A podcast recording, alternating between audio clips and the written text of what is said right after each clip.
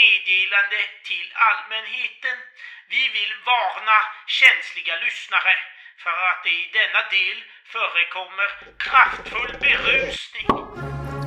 Mitt konunganamn skall vara Karl den sextonde Gustav. We shall never surrender. allen Zeiten nicht die Mehrheit. Kom inte med en sån jävla provocerande och aggressiv ton mot mig. Där har våldet triumferat. Ask not what your country can do for you. Ask what you can do for your country. Ska vi verkligen öppna en till flaska?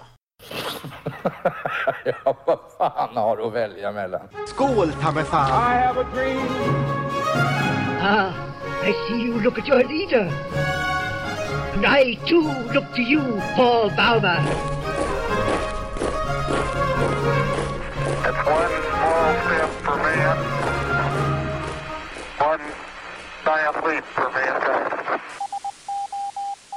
Ja men då så.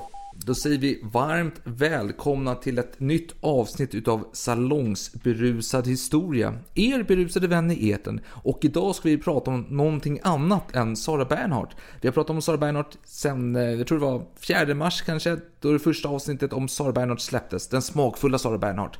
Men nu har vi efter 10 avsnitt och ett x antal timmar så tar vi ett litet uppehåll. Vi är inte klara med henne, vi ska fortsätta med henne. Vi hade en diskussion internt. Ska vi snabba på Sara? Ska vi avsluta med ett avsnitt, bara sammanfatta hennes sista 30 år i livet ungefär? Nu tänkte jag, men det är lite, lite konstigt att vi pratar detaljerat i 10 avsnitt för att sedan bara skita i hennes senare stora karriär när hon är en stjärna. Eh, så vi tar lite uppehåll på henne, vi återkommer till henne lite senare. Men nu ska vi ha någonting annat. Vi ska ha ett lättsamt ämne, vad säger man? Feelgood-film, fast podd. Vi ska prata om något glatt ämne, någonting man blir glad över, man blir upprymd över. Eh, lite sorg, men mycket glädje. Utlovas. Och eh, vi sitter på distans idag Alex. Ja, det gör vi. Jag har eh, en flaska vin framför mig, ett glas med vin i, en öl, en tom ölflaska på sidan och en kaffemugg med salongsberusad historia avsnitt 5 ser rött och den här om Oslo-gänget på muggen. Jättefin mugg som jag har lyckats beställa. Eh, nackdelen var då att jag gjorde beställning. Eh, efter ett tag så fick jag inte mina varor så jag kontaktade eh, företaget och frågade vad har hänt med mina varor? Nej men, nej, men de har fastnat i Frankfurt där. Okej, tänker jag. Och då säger de så här, men vi skickar nya Express, du får nya muggar. Det gick några dagar och jag fick de här nya kaffemuggarna och jag öppnade dem och ser att fan det är ett tryckfel, det är ett svart streck som går utanför bilden. Fan också, typiskt, måste höra, höra av mig och klaga igen då. Men jag tänker innan jag klagar så är det bara titta lite närmare på muggen. Då ser jag att det ser ut som att det är en text som står där över bilden. Och då är det så här att när man skapar den här muggen så finns det en standardtext där det står Love. Och eh, den ska man trycka bort. Eh, men jag glömde det för jag var kanske berusad eller nykter. Jag tycker båda är ett skäligt bortförklaring. Eller Alltså det förmildrar om, vad säger man, förmildrar. Förmildrande omständigheter. Precis. Och sen ska man tillägga så att bilden som hamnade över den texten var den här 5 ser rött omslaget och det är lite mörk bild så man ser ju inte texten i själva bilden då. Eh, så, jaha, jag hade ju fyra muggar. Du vill inte ha mugg, där det är fullt med muggar hemma sa du. Men vi har några andra, Höstlövet och så vidare, som uppskattar våra muggar. Så de fick varsin mugg och glada. Men sen så hände det olyckliga att jag fick det första budet som hade fastnat i Frankfurt hade hamnat i Finland för den här postmästaren i Frankfurt var lite, jag vet inte, lite i dimman kanske. Han har skickat fel. Så nu fick jag ett meddelande om att de var i Sverige och det är lite olyckligt för de har ju fyra muggar till som kommer levereras om inte Postnord Gud hör barn kanske gör att de försvinner på vägen. Men i värsta fall så får jag fyra muggar till med detta feltryck. Så um, Alex, vill du ha en mugg kanske nu? Har du gjort utrymme för en? Uh, ja, jag kan, jag kan offra mig och ta en. Absolut. Du kan ta en. Mm. Annars är det om vi har någon lyssnare som heter Love. Kan, hör av dig i sådana fall. Så kan du få en mugg. du tänker på Love där, texten. ja, Ser man tydligt att det står Love, love då? Ja, om du tittar noggrant så kan du se att det står men så, så är det med omslagen också för våra avsnitt. Man hittar saker om man tittar lite noga. Ja, så är det, så är det, så är det. Men, vet du vad Alex? Jag dricker gin och tonic i den här muggen. Eh, lite ovanligt faktiskt. Så jag tänker det är kanske inte så, så här brittiskt att dricka gin och tonic ur en kaffemugg. Men jag tänker Fems i rött. Det känns ändå lite kommunistisk Sovjet där. Cambridge 5-killarna eh, där. Som var ryska spioner. Jag tänker i Ryssland så kanske man hade taskiga kaffemuggar som man drack sprit ur. Eh, det, det kan jag säkert... Nej, jag ska veta om jag kan uttala mig utan att liksom uppröra någon. Men eh, eh, jag tror inte att man hade gin och tonic tror jag, i muggar. Det, det har jag svårt att tro. Kanske snarare vodka i sådana fall. Ja, men jag lägger upp, i alla fall upp en bild på den här muggen på Instagram. Så om vi har någon lyssnare mot förmodan som heter Love, så hör av dig så får du en mugg utan problem. Alex står för frakten, så du behöver inte oroa dig. men du Alex, ska vi börja, innan vi ska starta det avsnittet, eller vi ska starta avsnittet, vi har redan startat avsnittet, men innan vi kommer igång på dagens ämne som du strax ska berätta vad det är för någonting, så har vi faktiskt en lek att köra.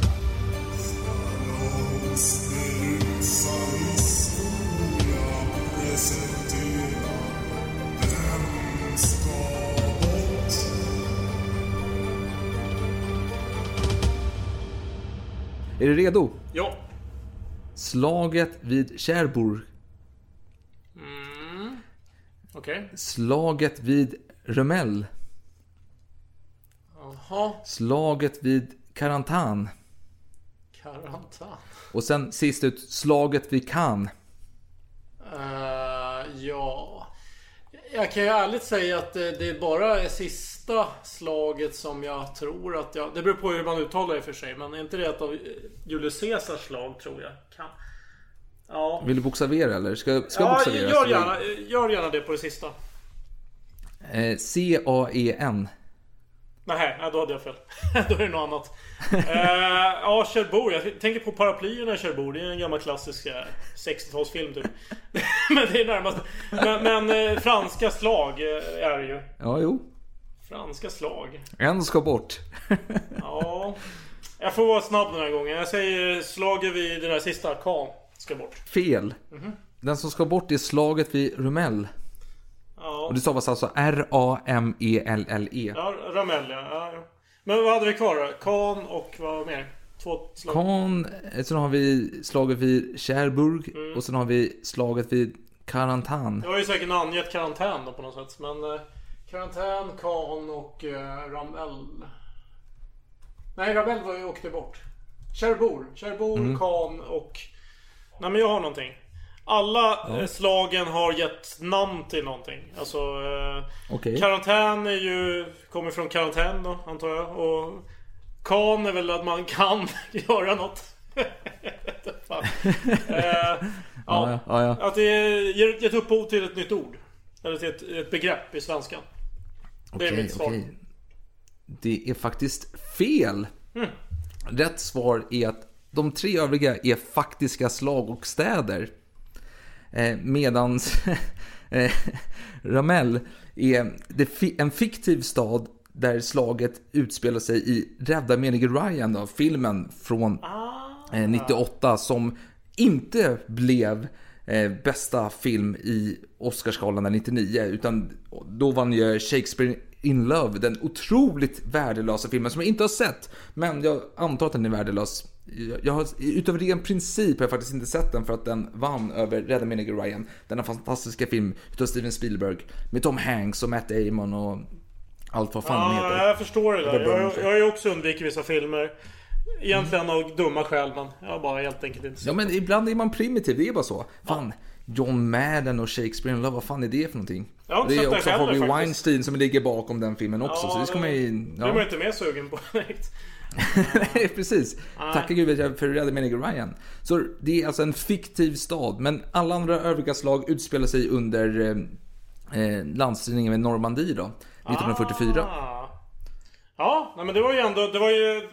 Det var ju väl avgränsat eh, liksom, eh, tid. Det, det uppskattas. För annars är det jättesvårt. För det finns så många fältslag i historien så det är helt omöjligt. Ja, ja. bra. Men då fortsätter... State, status quo. Men det är en fantastisk film alltså. När man tänker, när man tänker efter, alltså Tom Sizemore, vad fan hette han? Eh, Barry Pepper.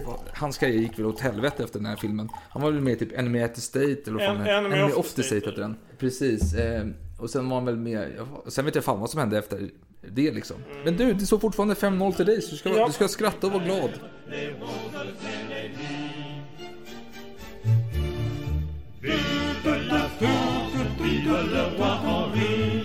Vive la France, vive le roi Henri, Car à son danse Henri chante comme Paris Vive la France Vive le roi Henri Varför sitter du och nynnar på en klassisk eh, kungahymn, Alex? Vad är anledningen till det? Äh, Det kan, det kan finnas flera olika skäl, men just nu idag, är det det du undrar? Ja, idag. Varför just nu? Ja, men du, jag tror att det är drycken i mitt glas som får mig att eh, vilja nynna detta. Jag, jag känner att du kanske gör det av samma anledning. För att vi har ju Ja. faktiskt samma vin i våra glas, eller likadant vin. Vi har två separata flaskor på distans här. Eh, jag ska berätta om vinet. Mm. Eh, först och främst, du får gärna uttala vad det heter.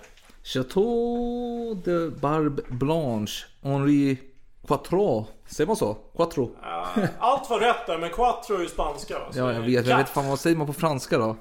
Quatre. Quat, quat, quat. Precis, fyra. Det betyder fyra. Eh, ja, Henrik den fjärde. Så det här är alltså ett vin som är tillägnat Henrik den fjärde. Eh, och det kanske är inte så ovanligt med viner som tillägnas olika storheter i historien. Men just det här vinet har ändå en historisk förankring. Det var nämligen så att eh, innan Henrik den fjärde blev kung av Frankrike så utkämpade han det franska religionskriget på protestanternas sida såsom kung av Navarre. Mm. Som var ett historiskt område i närheten av Basken som ligger där mellan Frankrike och Spanien. Och bland annat så utkämpade han och vann slaget vid Coutras 1587 vid Högra banken i Bordeaux. Och det kan tänkas att han vid detta tillfälle då yppade att han uppskattade det här vinet eh, från eh, Barbe Blanche. Eh, för det är nämligen vad producenten hävdar i alla fall att det ska han ha gjort. Så det här är alltså ett vin från precis samma region och förhoppningsvis då från samma vingård. Men varför dricker vi just detta vin idag? Det finns så många viner i världen. Varför just detta? Ja, det är en bra fråga och ja, ibland, ibland har man ju, behöver man ingen anledning egentligen. Men i, idag har vi faktiskt det. Eh, dagens avsnitt handlar nämligen om kungamördare och en av kungarna som nämns i avsnittet är Henrik den fjärde. Och eh, genom att ta avstånd från denna handling så vill vi då hylla den bortgångne kungen med detta vin. Precis, och eh, om vi ska bara definiera lite tydligare vad detta avsnitt handlar om. Det är inte bara om kungamördare utan hur man avrättar kungamördare. Det är lite det som är huvudämnet i det hela. Och därför är det en feelgood podd Ja, då har du rätt i. Och, och, och vi kan till och med precisera att det handlar om franska kungamördare och deras Jo, men, Straff. men, men, det, men det, det, det är så att franska... Alltså fransmän är så extrema i varenda partikel i deras kroppar.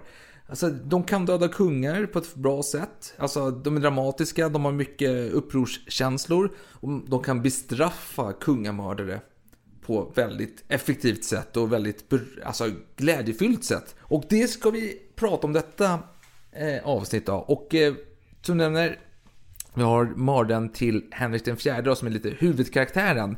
Men innan dess ska vi gå igenom lite en annan kungamördare som vi har nämnt vid namn förut. Bland annat i avsnitt 1 tror jag faktiskt. Aristokratiska ligan del 1. Eh, Jacques Clement då. Och eh, han mördade då Henrik den tredje utav Frankrike på 1500-talet. Och eh, Jacques Clement, han tillhörde då den katolska ligan och han hatar protestanter, hugenotter och så vidare. Han ville döda dem alla, alla. Samt så ville han ju döda Henrik den tredje. Och varför då? Alex? För Henrik den tredje var väl inte protestant? Nej. Nej, precis. Så låt oss presentera Henri Guy, eh, en hänsynslös katolik som gjorde stora framgångar i kriget mot protestanter i Frankrike. Och han var även inblandad i det parisiska blodsbröllopet. Vad tänker du på då Alex? Jag tänker på Bartolomé-natten. Precis, helt rätt. Den här, fant- eller inte fantastiska, men denna spännande händelse som eh, vi har planerat att göra ett avsnitt om, men som du har backat undan ifrån eftersom du tycker det är så hemskt att prata om fransmän som dödar fransmän. Men han var i alla fall inblandad där, utförde lite mord och han blev även ledare för den katolska ligan som stärkte sina aktier i riket. Och eh, Henrik den tredje då, han blev lite orolig över den andra Henriks framgång och eh, helt plötsligt förklarade sig själv som ledare för den katolska ligan. Men då gick ju Henrik eh, Henri de J då, eh, till Filip den andra av Spanien och spred lite planer. Och så blev det då de tre Henrikernas krig och så vidare, så vidare, så vidare. Och det är alltså Just Henrik den tredje, Henrik av Guy och Henrik av Navarre, alltså Henrik den fjärde då. Eh, Som var hugenotternas eh, ledare, eller ska man säga, eh, fanboy. Eh, och det har du också velat göra ett avsnitt om. Du har pitchat den flera gånger faktiskt. Det tre Henrikernas krig. Men det är så jävla rörigt med religionskrig alltså. Det kan Gud veta. Tiden gick och dagen efter att han spenderat en natt med sin älskarinna, som var tillika spion då, Charlotte Sov, eh, så blev han kallad till kungen, där kungen då, Henrik III, lät honom bli mördad framför kungens ögon. Och sen dagen därpå så dödade man Henriks bror då, Louis. Och eh, Jacques Clement blev rasande, han blev arg, han ville hämnas. Så han kom över några brev som skulle till Henrik III och lyckades då få audiens hos kungen där han skulle lämna över dessa brev. Och eh, han gick in i rummet och sa så här, du kungen Henrik, eh, jag har lite konfidentiellt eh, material här jag vill berätta för dig. Och kungen blev lite nyfiken som han är då. Så han skickade ut sina livvakter. Och eh, så skulle, ja, här går historien isär lite hur det gick till. Vissa säger att han viskade kungens öra, andra säger att han gav kungen breven och kungen läste högt. Men oavsett, någon gång där, om han viskade örat eller om kungen läste högt, så tog Jacques Clement fram sin kniv som han hade under eh, någon sån här rockficka, vad säger man, någon vad säger, vad säger man för klädsel? Man är, fan det är munkar, Eh, det är kristna människor, vad har de? De har någon sån här jävla, tänk, tänk en domi, dominikanermunk, vad har de för någonting? Vad har de för klädsel? Slags, de har någon sån jävla... kapp, kappa eller något Precis, kappa låter bra. Kappa låter perfekt. Han tog fram sin kniv under, som han hade gömt under kappan då. Och rygg! Henrik den tredje. Och Henrik, ah! Han blev sårad. Och då stormade hans eh, livvakter in och högg ihjäl Jacques Clement. Eh, och eh, kungen, han överlevde nästan. Eh, ja, han dog dagen därpå då. Och Jacques Clement var ju redan död, men man brände hans kropp. Eh, och eh, så vidare. Men Jacques Clement blev ändå hyllad utav katolska ligan och även påven Sixtus den femte. Så det är inte så mycket att säga om detta, det, detta avrättning. Detta är mer... Alltså, Han fick inte sitt straff. Det var, det var en, Ja, eh, alltså, en det, besvikelse. finns no, det finns någon skärm med att en stat planerar en perfekt, den perfekta avrättningen för det hemskaste dådet som finns i mm, historien. Att döda en monark. Ja, han, han, han berövade ändå sin eh, regent och, och hela folkets fader på något sätt. Det, det, det ska väl till ett större straff. Alltså att bli ihjälstucken utav några eh, livvakter, det känns inte så jätte, jättehemskt. Ganska trevligt sätt att dö på. Ja, precis. Men jag, jag läste faktiskt i någon jag kommer inte ihåg tidningens namn då, men det var en, en tidningsartikel från 1830-talet. Eller kanske 50-talet. Där man pratar om just att, eh, det är nog 50-talet faktiskt, eh, att hur kniven, knivens roll i stadsmord är så eh, genomgående. Och, det är säkert sättet att eh, mörda. Det skulle man säga, även om man har använt kulor och sprängmedel och så här, så det säkra sättet är alltid en kniv. Och då är man Jacques Clement och så vidare. Och Ravaillac som kommer in på här. För jag är lite besviken Alex. En, en kungamördare som blir ihjälstucken på plats. Det är inte en riktig bestraffning. Så ge mig något mer. Men jag tänker så här att eh, nationen har ju lärt sig av det här. Ja, Att eh, så här får det inte hända igen. Liksom, att någon kommer undan med att mörda en kung och så bara bli ihjälstucken. Det är alldeles för hedersamt för mördaren. ja, det är inget lidande i det.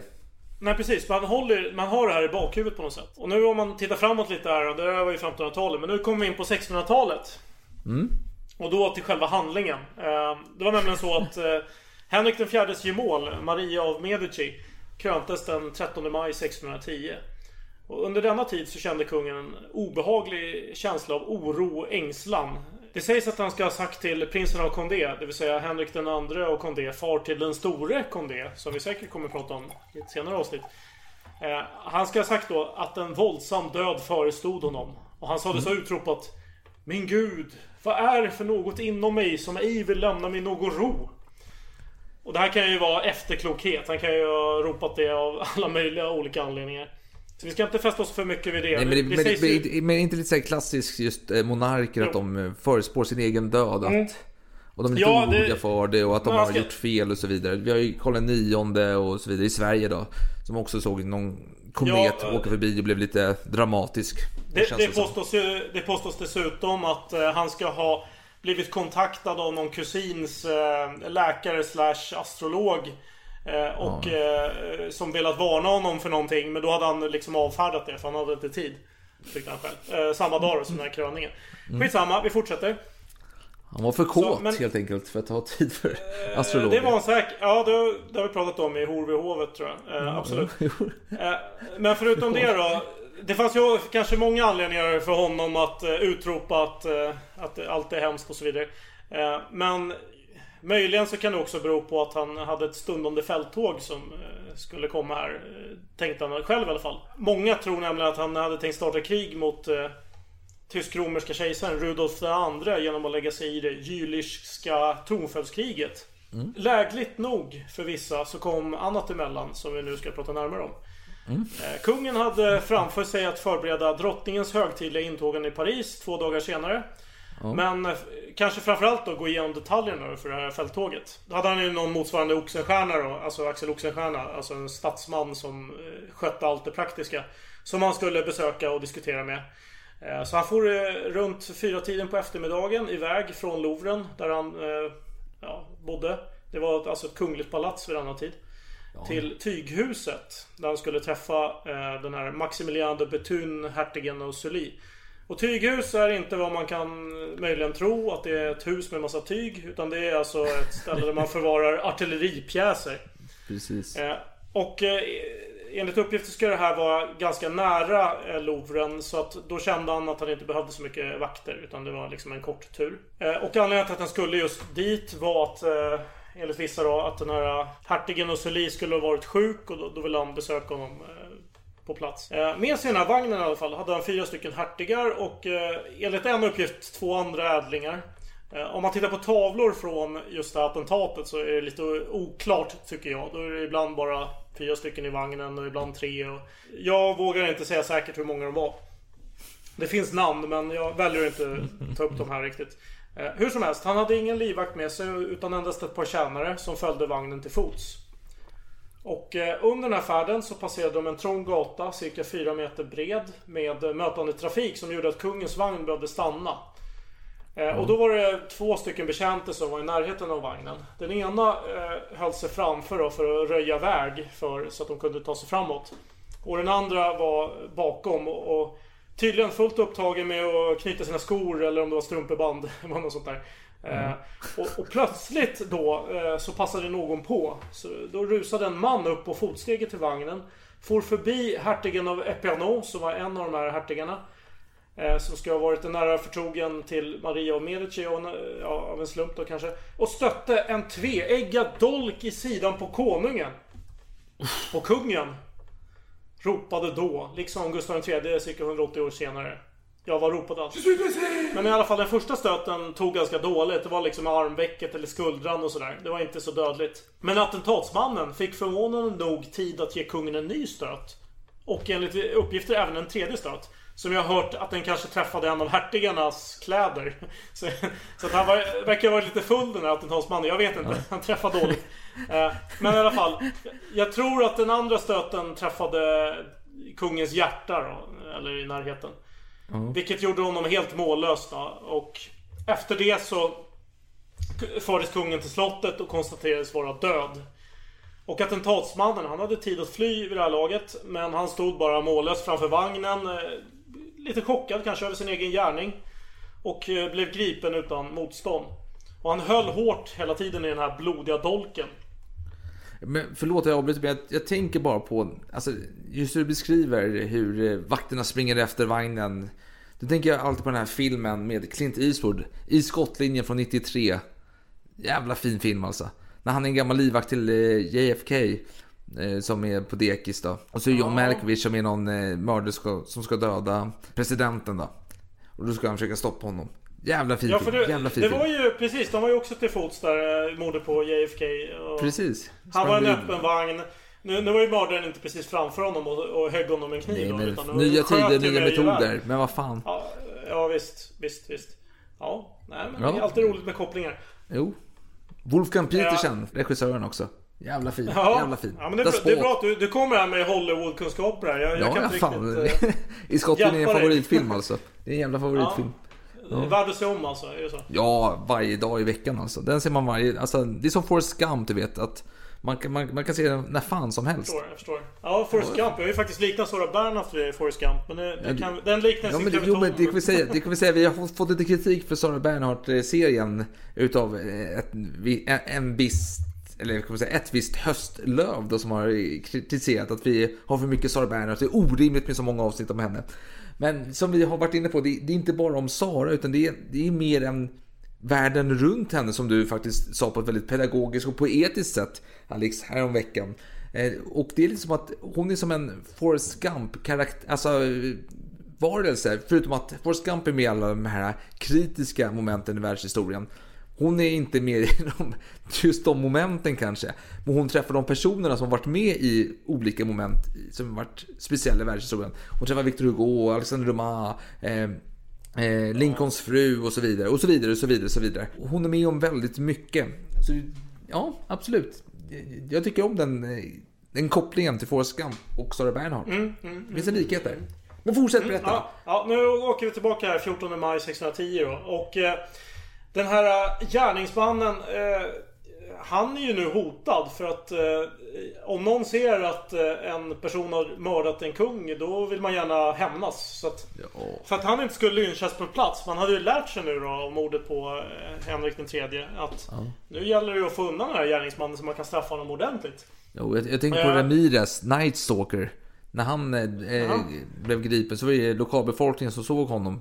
Man efter, efterlyste honom, hade en bild på honom. Så var det något Mm. område. Och då var de ju på honom och spöade skiten ur honom innan polisen kom till platsen och kunde rädda honom. Eh, Ja. li- Lite sån stämning här, helt Ja, enkelt. man kan tänka sig att det var alltså, extrema royalister här. Man vet Ja. inte, men det kan ha varit så. Ja. Eh, så att Ja. i alla fall. En av de här hertigarna, en av de här fyra hertigarna, eller om det var tre hertigar, vem vet. Eh, hertigen av Epernon. Han eh, tog då den här gärningsmannen till ett hotell. Eh, Mm. som, som denne fick tillbringa då i två dygn uppenbarligen. Innan eh, denna hamnade i fängelse. Eh, och gärningsmannen ska ha sagt i förhör. Jag vet mycket väl att han är död. Jag såg blodet på min kniv. Och stället där jag träffade honom med den. Men jag har ingen ånger alls att dö eftersom jag gjort det jag kom hit för att göra. Inte dags att namnge denna mördare? Jo, jag, jag känner det. Jag, jag, jag var inne på det faktiskt. Eh, Ja. Han ska ju bli torterad då förstås för om man vill förhöra honom. Och sen ska han få sin dom.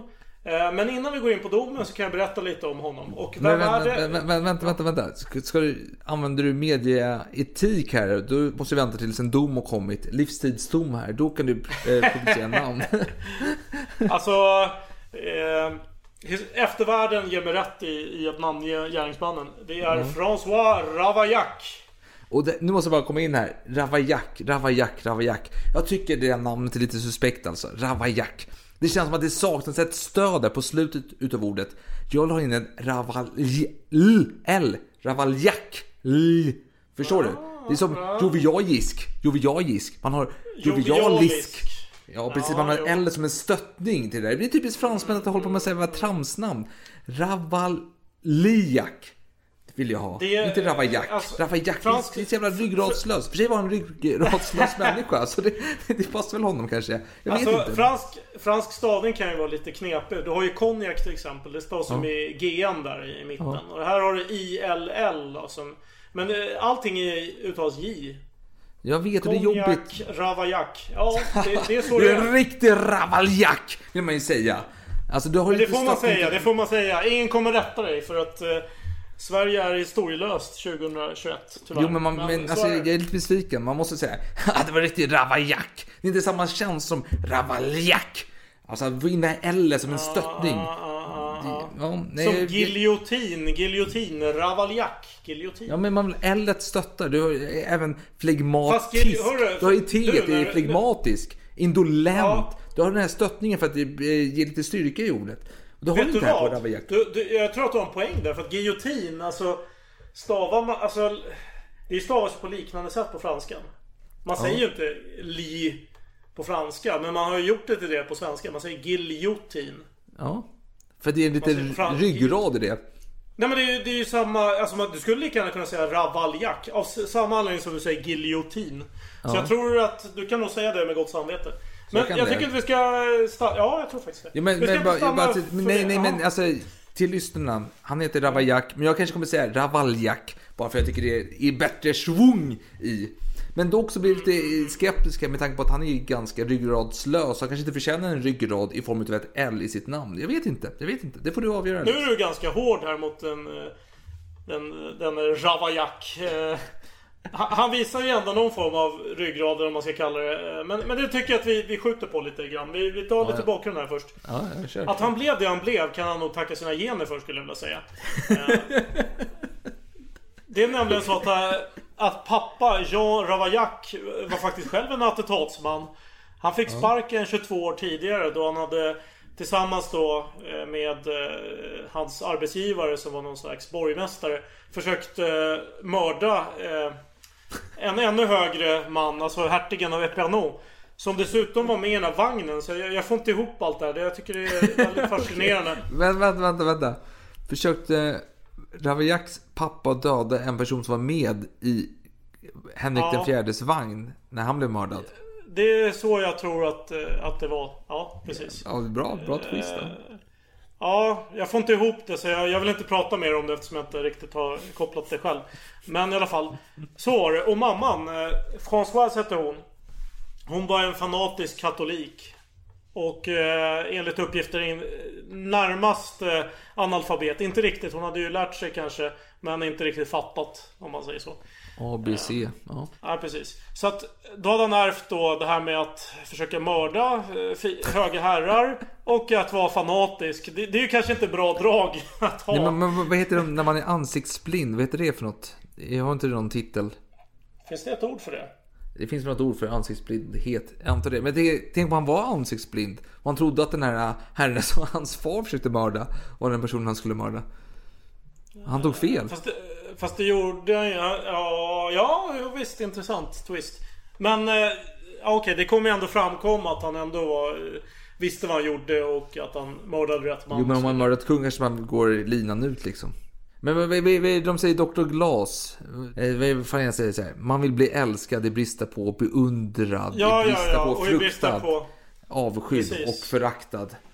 Just och bla bla. Man vill inge människor någonting känsla bla. Själen ryser över tomrummet. Ja, vad fan han säger. Ja, det kanske är Ravaillacs eh, ande där. Han känner så här, fan, Mm. jag är inte älskad. Jag dödade fel person. Vad fan, jag vill bli eh, avskydd och föraktad. Jag går all in. Ja, kanske det. Och utifrån det har man väl härlett eh, att all PR är bra PR.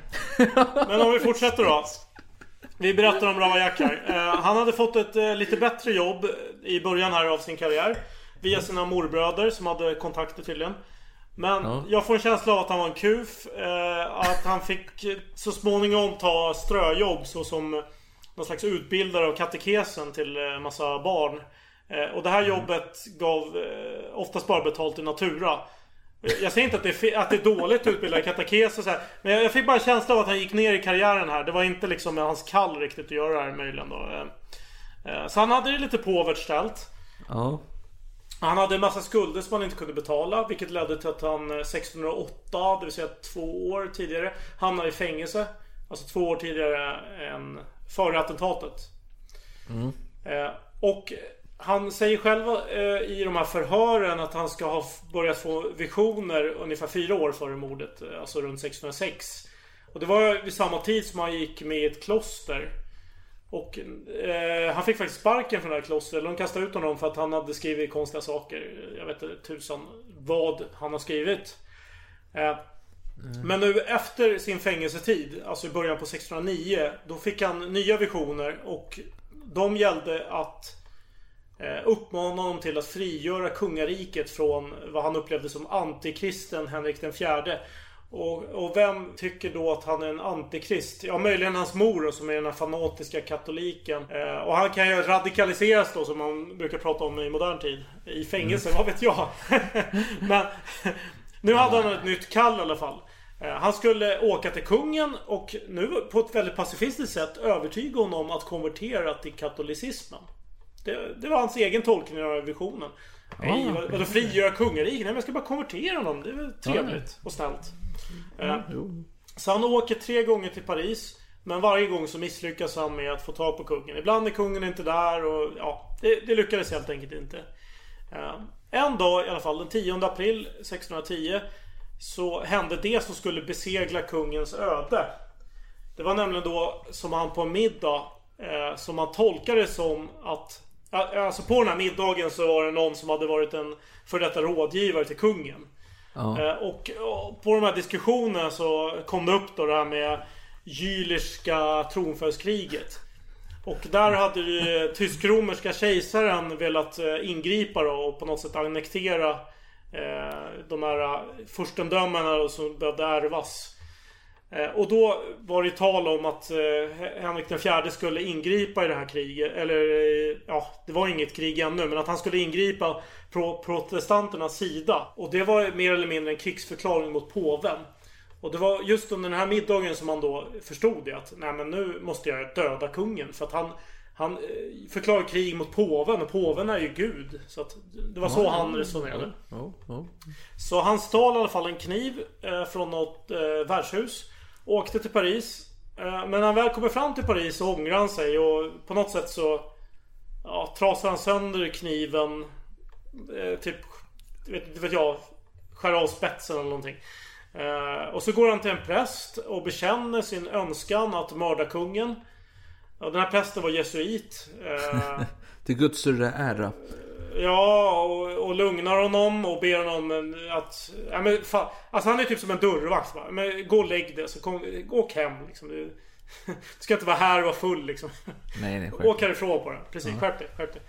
Eh, Men Ravaillac, han hänger i alla fall i Paris eh, stad några dagar. Han övernattar hos diverse människor. Vet inte riktigt var, varför han gör det här och så. Det framgår inte riktigt. Men därefter så börjar han resa hemåt. Eh, Angoulême, han bor en bit bort.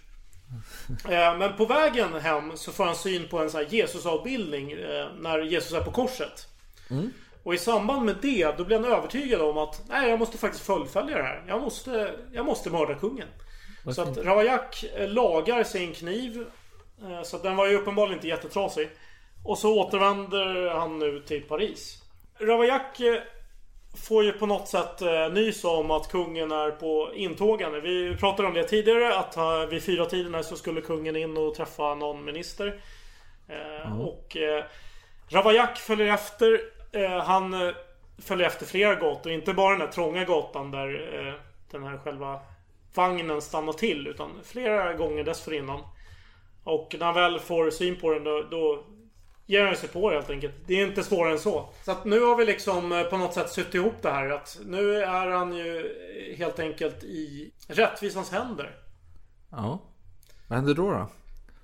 Ja, någon uppgift säger att han har något möte med den här äh, hertigen som jag nämnde förut. Eh, Han som hade eh, blivit föremål för eh, mordförsök där av Ravaillacs far. Så, så möjligen hade de en snack där, någon slags debriefing. Vad vet jag. Men han, han var ju på det där hotellet 48 timmar också. Men i alla fall, sen, så, så småningom hamnade han i fängelse. Och eh, väldigt snart så ville man ju egentligen ta reda på eh, vilka medkonspiratörer han hade. För man trodde ju inte att en sån här enkel man skulle liksom lyckas mörda kungen. Nej men, det, Utan men, att- det, men det är lite såhär, Skandiamannen kan ju inte döda Olof Palme ensam liksom. Mm, Och mm. lika lite som att Ankerström ensam kunde döda Gustav III. Exakt, Det exakt. behövs något större för att döda en kung. Helt Precis enkelt. så var det. Så att eh, det var ju förhörsmetoder som var lite mer hårdhänta än de som finns idag.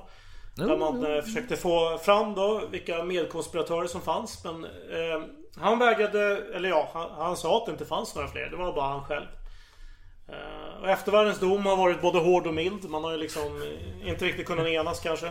Men jag tror att man... Eh, jag tror att gängse bild idag är att det inte var en konspiration utan man såg det som en ensam gärningsman. Så i alla fall, domen ägde rum och det var, blev den 27 maj som avrättningen skulle ske.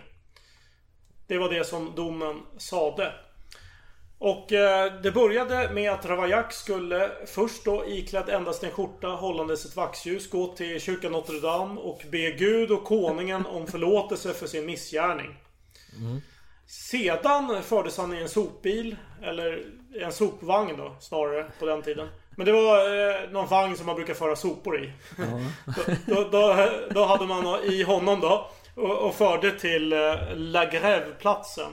Eh, Mm. Och det var ett eh, ställe med mycket så här kullerstenar. Det var, det var ett bra plats att ha en avrättning på. Ja, ja. Eh, Så schavotten skulle han till. Det vill säga en plattform i trä som avrättningen skulle verkställas på. Och här så skållade böden Jean Guillaume honom med brinnande svavel. Det var liksom början. Man kanske ska nämna att det var ju säkert stort jubel när han kom in. Vad, vad vet jag? Det är som en rockstjärna liksom. Det... Inte när, när Ravaillac kommer in, utan när bödeln kommer in. Ja, jo jo, men man, man jublade. Det här var ju en stor grej. Det var en jättestor grej. kul. Det här hade ju alla sett Kul. fram emot. Ja. Ja, visst man sörjde ju kungen men här fick man ju egentligen hämnas kungen liksom. Precis. Härligt. Eh, I alla fall. Böden Jan Guillaume presenterade sig för, för publiken. Han eh, bugade säkert som en trollkarl liksom. Och Ja. Tog av sig hatten. Och eh, började eh, skådespelet med att eh, skolla Ravaillac med brinnande svavel. Och efter det så ryckte han kött från Ravaillacs bröst, armar, länder och vader med hjälp av glödande tänger. Och varför gjorde man det? Jo, man orsakade ju upprivna sår. Och vad gjorde man med de här upprivna såren? Jo! Jean Guillaume, han var ju så härlig så han hällde smält vax, svavel och bly i de här såren.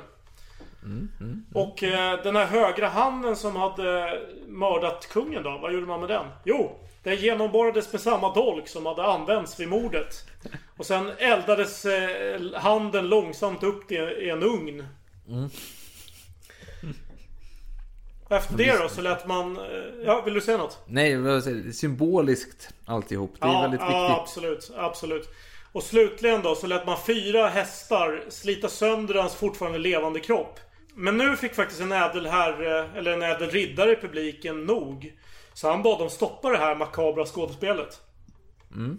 Det var, det var nämligen så att en av hästarna var för klen. Så den ädle riddaren erbjöd sig att byta ut den här svaga hästen mot sin urstarka och troligen royalistiska häst. Så denna, denna häst var kraftig och Ja. rådig ut i nöden och slet med stor kraft loss ett av Ravaillacs lår. Så det var, det var bra här av, riddaren att erbjuda hästen. Ja, ja, Eh, det? hedersamt. Ja, så efter en och en halv timmes eh, långsamt, eh, långsam tortyr och ja, dödande av eh, den här mannen så dog Ravaillac. Och här var tanken att den dödsdömde skulle få en sista bön. Vad man eh, kallar eh, viaticum enligt katolsk tro. Det är en sån här sista bön. Men så fort som Ravajak dog så kastade sig alla åskådare, oavsett rank, över kroppen med sina svärd, knivar, pinnar och annat som de hade i sina händer. Och de började frenetiskt att slå, hacka och slita i kroppen. De stal lemmarna från böden och hackade ursinnigt upp dem i bitar och drog runt med dem på gatorna. Och barn gjorde upp brasor där de kastade delar av Ravaillacs kropp på. Och det som var kvar, eh, det skulle egentligen förbrännas till aska och strös i luften enligt eh, ritualen som lagen krävde. Men böden, han hade ingenting kvar i sina händer förutom skjortan. Så han kunde inte riktigt göra det.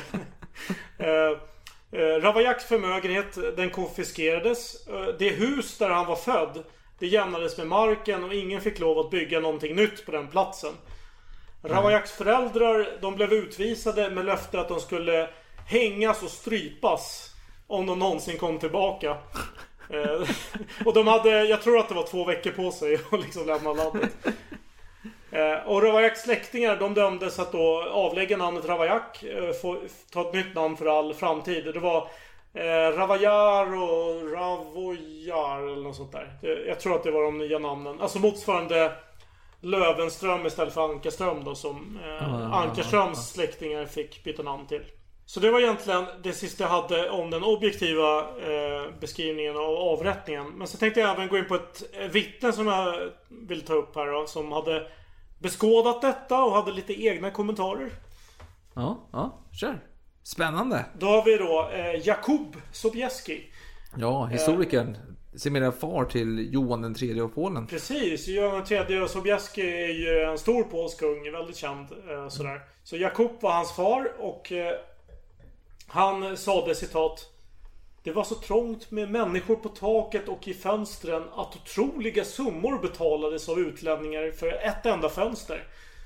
Jag hyrde ett tillsammans med prinsarna Rodzivil i utbyte mot en orimlig summa pengar. Så han hade varit med där och tittat på det här. Och, Men det var eh, värt det tydligen.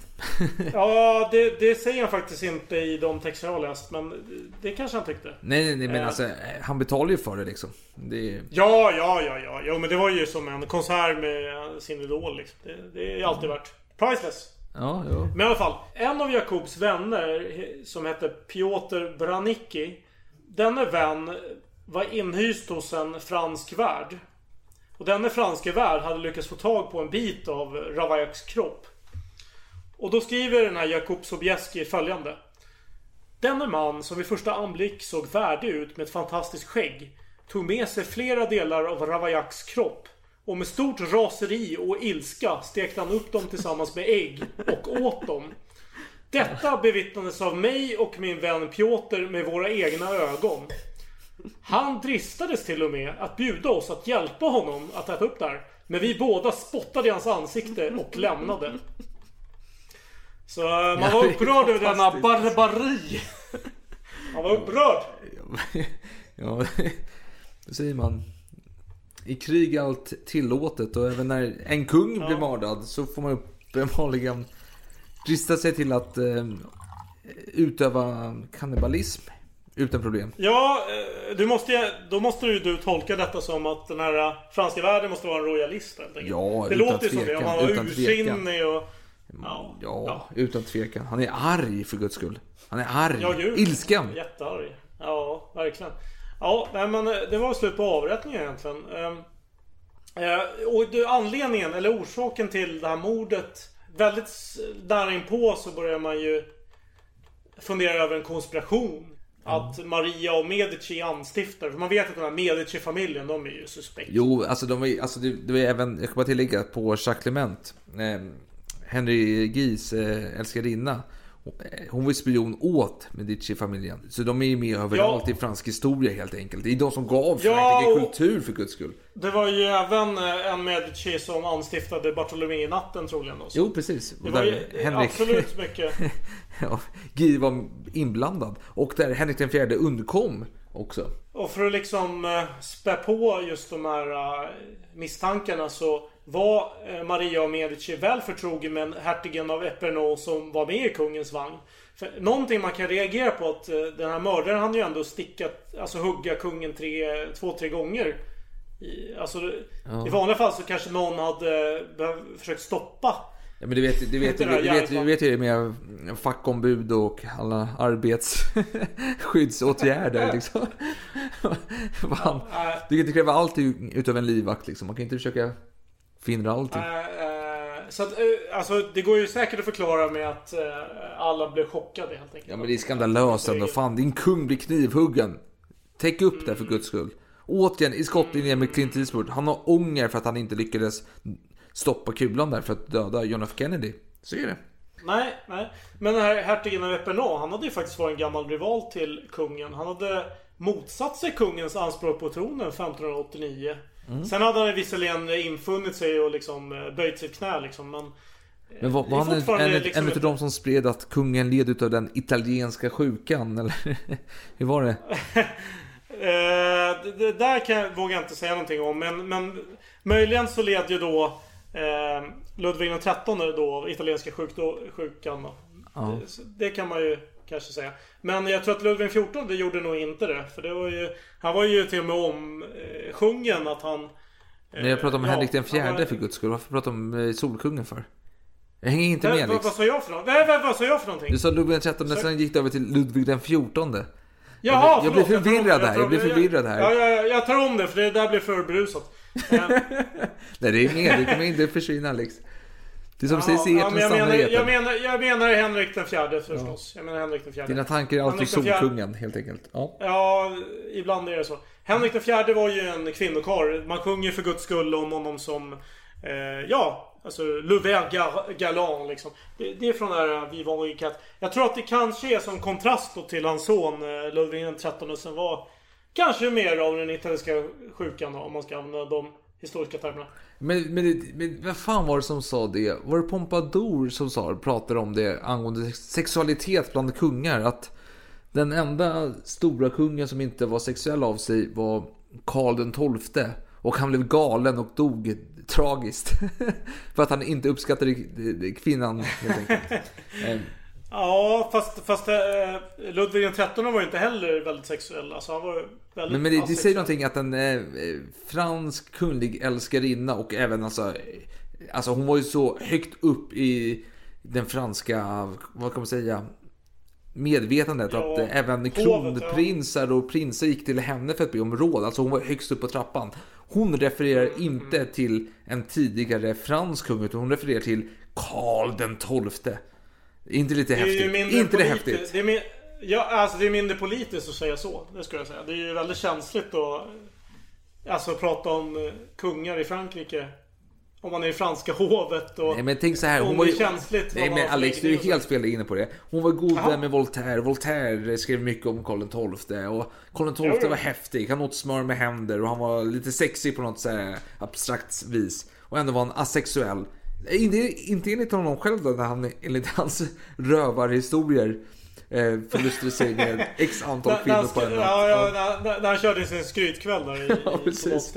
Han satt där i bastun och körde efter några Jag, jag är lite orolig för att det här blev väldigt rörigt. Så jag vet inte, ska vi fortsätta med, med storyn här? Jag har inte så mycket mer att säga egentligen. Utan det var ju det här med att hertigen av Epernay hade motsatt sig kungens anspråk på tronen 1589. Det talar ju ändå för att eh, mm, möjligen att han hade ett agg då mot Henrik den fjärde. Att han kanske ville ha, se honom död. Han var, ja, han var ju även vän då med Maria av Medici som var drottning då vid det här laget. Eller ja, precis. Hon var ju precis nykrönt drottning. Eh, hon blev krönt väldigt försenat för de hade gift sig långt tidigare.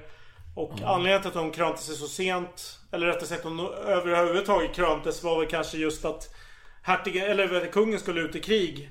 Och då var det bra eh, rent eh, juridiskt att ha en drottning som kunde liksom vara eh, ja, hade tillräckligt med makt för att styra riket när han var borta. Man kan konstatera att ingen av de fyra hertigarna i vagnen kastade sig över gärningsmannen för att skydda kungen. Det gjorde man inte. Man avvaktade och såg vad som hände. Men man, med, alltså med all respekt, man kanske är lite rädd för sitt eget liv. Kommer någon in i en tunnelbanevagn och börjar hugga folk, jag skulle inte sitta och offra mig själv som någon hjälte. Jag skulle fan gömma mig under sätet. nej, nej, nej, nej, Utan nej, nej, tvekan. nej, men, men, men det säger kanske Utan någonting tvekan. om deras... Jag skäms inte för det. Jo. Jag skulle gömma mig. Jag nej, gömma mig. nej, Jag jag, jag förstår det. Jag, jag förstår det. Jag dömer det. Nej, men jag skojar bara. Nej, men alltså grejen var, det säger ändå kanske någonting om deras relation till kungen. Han kanske inte var så extremt varm att man instinktivt försökte skydda kungen. Nej, förvisso kan man ju... För, alltså kungen är värd att försvara, det kan jag tycka ändå. Kronprinsen, alltså Carl Philip som var född kronprins, berövad sin titel.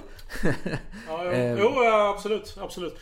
Eh, men i alla fall, om jag bara ska avsluta det här med, med hertigen av Epernay. Han var ju även... eh, han hade även en, en älskarinna. Som eh, lät Ravaillac bo hos henne i Paris. För han var ju liksom en lösdrivare där under en tid före mordet. Oj, ja, det oj, sägs att oj. det var så. Vänta, du, du får ett case här helt plötsligt.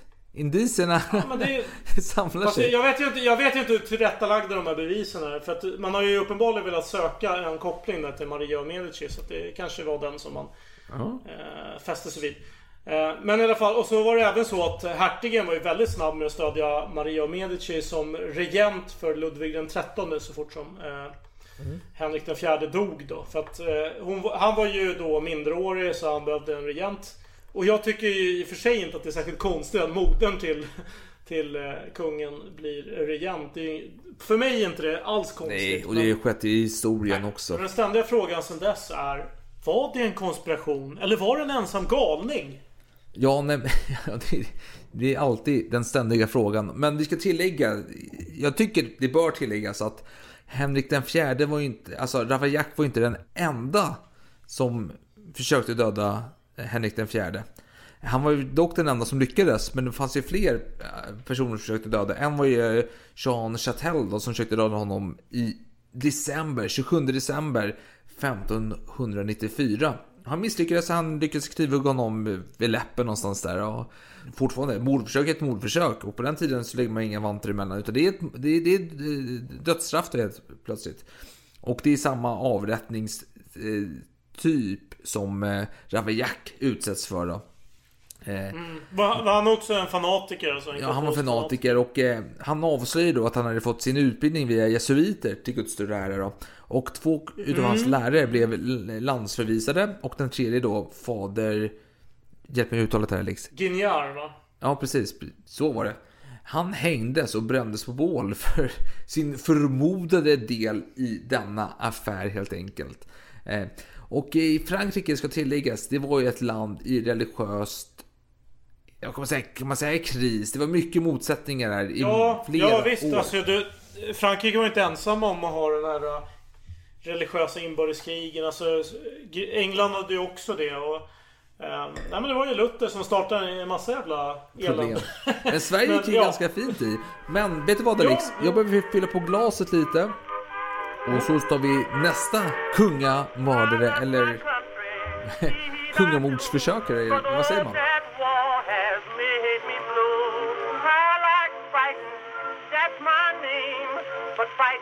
The least about the fighting game.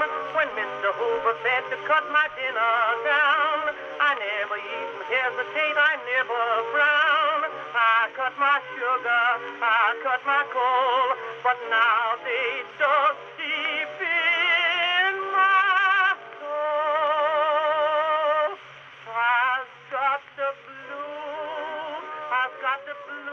men låt oss då gå vidare till nästa kungamördare eller han försökte i alla fall mörda en kung. Men vissa kungar är utav hårdare stål än andra. Inget ont talat om Henrik IV. Men nästa person vi ska prata om är Robert François Damien. Damien tänker man alltid på Omen-filmerna med Gregory Peck och så vidare. Fantastisk Gregory Peck. Fantastisk kille. Jag tänker alltid på, eh, den här, vad heter den? Eh, en skugga över södern. Eh, How to kill a mockingbird. Atticus. Ja, fantastisk prestation där från Atticus. Gregory Peck. Och Kanonerna på Navarone. Fantastisk film. Även det med David Niven då som var med i kriget och skrev boken... Eh, fan hette hans bok då? Skynda långsamt. Kom tillbaka snabbt. Jag vet inte fan vad den hette. Men Gregory Du, Peck... du, Ja, du är den som sitter med Hol- Hollywood historiekunskapen. Ja, Ja, men- jag känner mig som en analfabet. Jag, jag, alltså, jag håller tyst. Kanonerna på. Navarone. Jag känner mig som en Ravaillac! Alistair MacLean, eh, men fan, Kanonen på Navarone det är Alistair MacLean då, som gjorde det här Örnästet, eller han skrev böckerna Örnästet, Kanonerna på Navarone, Styrka 10 från Navarone som var en liten budgetfilm då med Harrison Ford i ung ålder. Men Kanonerna på Navarone Mm. har även, förutom David Niven då, och eh, Gregory Peck, Anthony Quinn som även med i den 25 timmen då. Jag måste, jag, jag måste ändå säga att krigsfilmerna från 60-talet var ju faktiskt bättre än krigsfilmer från 40-talet. Alltså, all heder till 40-talsfilmer, men jag, jag känner mer för eh, Hitchcock-filmer 40-tal. Det, det känns riktigt Jo men bra. alltså krigsfilmer... Krigsfilmer, ja. Grejen är att man kan tycka det är lite löjligt, men när man ändå läser olika grejer från... Vi pratade om det i onkelavsnittet vet jag, bland annat när eh, svenska underrättelsetjänsten ska hålla reda på någon mästerspion där och man... Oj, han hoppade in i en bil och vi missade liksom det. Oj, vi, hade, vi kunde inte föreställa oss att han skulle hoppa in i en bil. Oj, vilken, vad konstigt det blev helt plötsligt. Alltså det är, det är väldigt amatörmässigt. Mycket, mycket, mycket amatörmässigt i den tiden. Så jag förstår ändå, alltså 40-talets eh, filmer kan ju ändå skildra verkligheten på ett ganska naivt, korrekt sätt. Men 60-talet har ju den här äventyrslustan i sig när det kommer till filmer. Mm. Eh, Örnästet med Clint Eastwood och eh, Richard Burt som är så jävla full på den här tiden. Så han måste ha en stuntman då. Han skulle ju göra sina stunt själv då, men han var för packad helt enkelt. Men Clint Eastwood gör karriär där. Fantastisk Clint Eastwood. Vi har pratat mycket om Clint Eastwood i detta avsnitt, får jag lov att säga. Vi har nog aldrig Ja, nämnt du har honom så pratat mycket. om Clint Eastwood. men han är bra, han är bra, han är bra. Ja. Jag kan inte Fantastisk. säga så Men mycket. Örnästet är en fin, fin film. Jag ska kolla på Örnästet eller... Eh, eh, vad heter den här filmen då? Hjältarna från Televerket med Kirk Douglas. Eh, tittar på varje år när snön faller. Då går jag till och tittar på någon av de filmerna. Men låt mig prata om Robert François Damien då. Säger man Damien på franska eller säger man Damien? Så lite mer amerikansk... Nej, eh, nej, nej, nej, nej. Damien, Damien. Damian.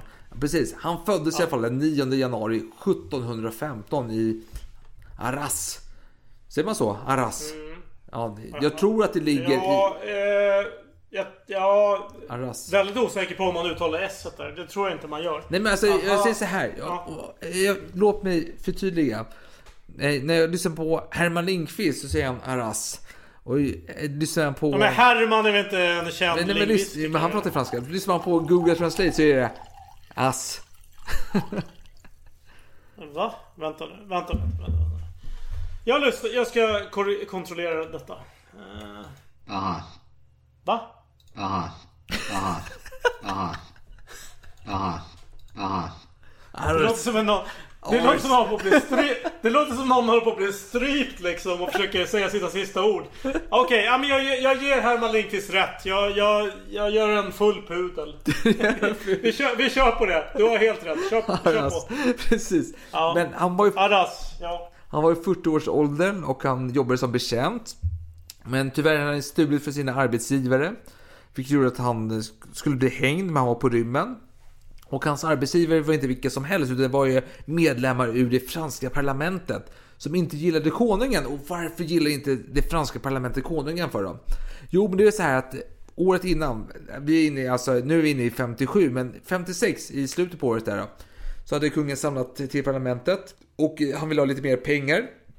Krig och sånt kostar, du vet. Och då ville han ha pengar och då sa han också att enligt påven...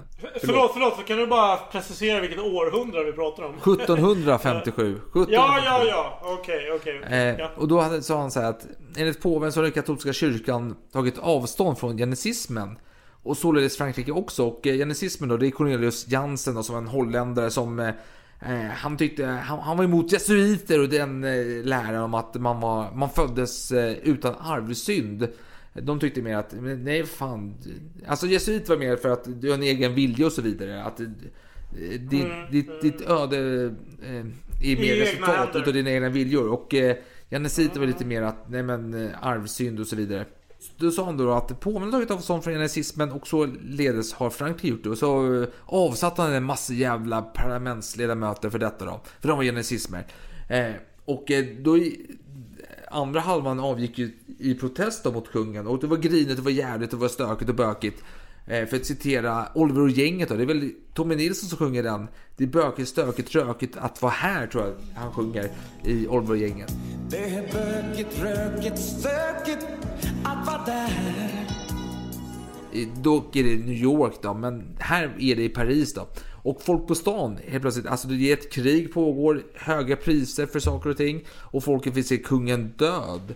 I alla fall sjöng man det i olika nidverser att han skulle, han reser överallt med pompadour och så vidare. Det är Ludvig den 15 vi pratar om här, om jag inte nämnt det tidigare. Och eh, han ska, eh, varför inte besöka den här kyrkan där alla kungar ligger begravd? Är det Saint-Denis-basilikan? tänker Precis, precis. Det stämmer bra, det stämmer bra. Du kan dina kungagravar, Alex. För denna gärning som denna man, Damien, gjorde då. Han kan inte varit en ensam gärningsman. Var han lejd av jesuiter till Guds ära? Eller parlamentet som stötte jenesiterna och således var i konflikt med kungen? Eh, och det är den ständiga frågan som man frågar sig. Men vad var det som skedde då? För om vi går backa bandet lite. För nu spekulerar vi vem som var ansvarig för dådet. Alltså, eh, alltså vad kan man säga? Vad för eh, motiv Damien. Föranledde Precis. mordet kan man Men säga. vi- För att ansvarig var ju Damien då uppenbarligen. Men Jo, jo, alltså- jo, jo, jo, jo, absolut, absolut. Jag tar inte undan eh, den bördan från Ansvaret. hans ok, Nej. så att säga. Eh, men vad var det som skedde? Och då får vi faktiskt backa bandet lite. För det är så många åsikter vad som hände. Men jag tänker att varför inte gå tillbaka till en pamflett som spreds i London år 1757.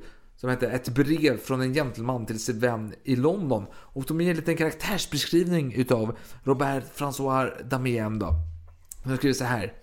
Han var en mycket vidskeplig, entusiastisk sorts man och därför ett mycket lämpligt verktyg, eller en kattass, för det romerska prästerna att arbeta med. Och kattass då, det är en person som gör det smutsiga åt en annan person då. En, eh, vad, vad säger man Alex? Har vi något bra svenskt ord? Marionett? Nej, ja, alltså det här är en väldigt bra fråga. Men jag har inga bra svar. Men eh, en, alltså, någon som heter Dirty Work. En, Mm. eh, en hantlangare. Ja, varför inte? Varför inte? Varför inte? En handlangare? Bra. Smutsig hantlangare. Ja, precis, Smutsig hantlangare. precis. Och så fortsätter de så här då. Vilka hemska brott som begås under religionens sanktion. Det påvliga prästerskapet hade arbetat honom upp till en sådan entusiasm att han var stolt över att dö för en sådan ädel orsak och föreställde sig att hans välförtjänta lidande säkert skulle säkra en plats åt honom i himmelen. Jaha, jo. det är intressant. Ja, och vad var det han gjorde då? då? Jo, om, om vi utgår från den historien som den här pamflett berättar, fast utan ordagrant om jag ska återberätta vad de skriver helt enkelt. Så är det så att kungen var på väg från Versailles till Trianon. Eh, och han skulle bege sig till hästvagnen som stod på gården då. Eh, Var han i Versailles alltså? För Versailles var ju vid den här tiden, om du tänker Henrik den tredje va? Eh, Alex, Alex, fortfarande- Alex! Du är inte med! Vi Nej, pratar om Ludvig den 15 för guds skull. Vi är 1700-talet. Ja, ja, ja, ja, ja, men då är jag med. Då är jag med. Du, du är vidrig ibland. Du är vidrig Ja ibland. men det, det är Henrik den fjärde som sänker mig med sitt vin. Vad fan ska jag göra? Ja, det, det- är bara, ja men vad skönt, vad skönt att du korrigerar mig. Kan det vara så Alex? Kan det vara så att de här hertigarna i Henrik den fjärdes vagn var berusade utav detta Chateau Barbe Blanche vinet? Att de inte kunde reagera ordentligt? Kan det vara skulle så? hedra dem. Om, om, om så var fallet skulle det hedra dem. Men kan du gå i god för att om man dricker detta vin från Chateau de Barbe Blanche då är man lite flegmatisk i sina tankar och agerande som du är just nu helt, helt enkelt. Man är, man är inspirerad av gudomliga makter. Jo men gör du dig blir lite mer flegmatisk, lite mer trögtänkt, lite mer långsam i dina agerande? jag ska- I ditt agerande? Ofokuserad i mitt agerande ska jag säga. För all del, fortsätt din historia. Nej, nej, nej, nej, jag vill ha ett konstaterande för dig. Jag skulle använda ordet inspirerad och eh, kanske lite vidlyftig. Fast du är inte speciellt inspirerande, du är ganska trög just nu får jag lov att säga. Du förstår inte vad jag ville komma till. Ka- ka- kanske i ditt ämne, ja. Alltså det, ja. Eh, fokus från kanske ett specifikt ämnesområde som inte just då inspirerar. Ja, möjligen, möjligen. Men kan det vara så att hertigarna i vagnen till Henrik, eh, Henrik den fjärdes vagn då, när Ravel Jack kom där med en kniv i högst hugg och högg dem, högg dem och högg honom. Så var de berusade utav en flaska Chateau Barbe Blanche. Alltså, Min, min professionella åsikt... alltså, Professionella som vad? Ja, Berusad men- jävla fransman eller Nej, vadå? nej, nej, nej. Men vadå? Jag har ju ändå lite credentials där från eh, V-set och så vidare. Men i alla fall. Ja, nej, det skulle vara... Det skulle vara att eh, en hel flaska Henri Cat eh, vin. Det skulle försätta dem i eh, fördröjd eh, upp, alltså reaktionsförmåga. Ja, eh, det skulle jag säga. Okej, Ja. bra. Då går vi vidare. Då går vi vidare. Kungen, Ja, alltså Ludvig den femtonde. Han, han, han var på väg till Vers, eh, från Versailles där han besökte sin dotter då, till Trianon där han skulle förlusta sig med Pompadour då. Han gillade mer Trianon. Så all hans personal var vid Trianon då helt enkelt. Du, du är öppen med att han ska förlusta sig också? Ja men snälla Alex. Han är Ludvig den femtonde. Han är som Frank Andersson fast fransk kung. Ja, ja, jo. Och han ska bege sig till hästvagnen som står på gården vid eh, Versailles då. Och det börjar bli kväll. Och framför honom går betjänter eh, page då, eh, med lyktor. Och bakom honom går delfinen, alltså kronprinsen. Och eh, samt hertigen Diane som är då ansvarig för kungens säkerhet.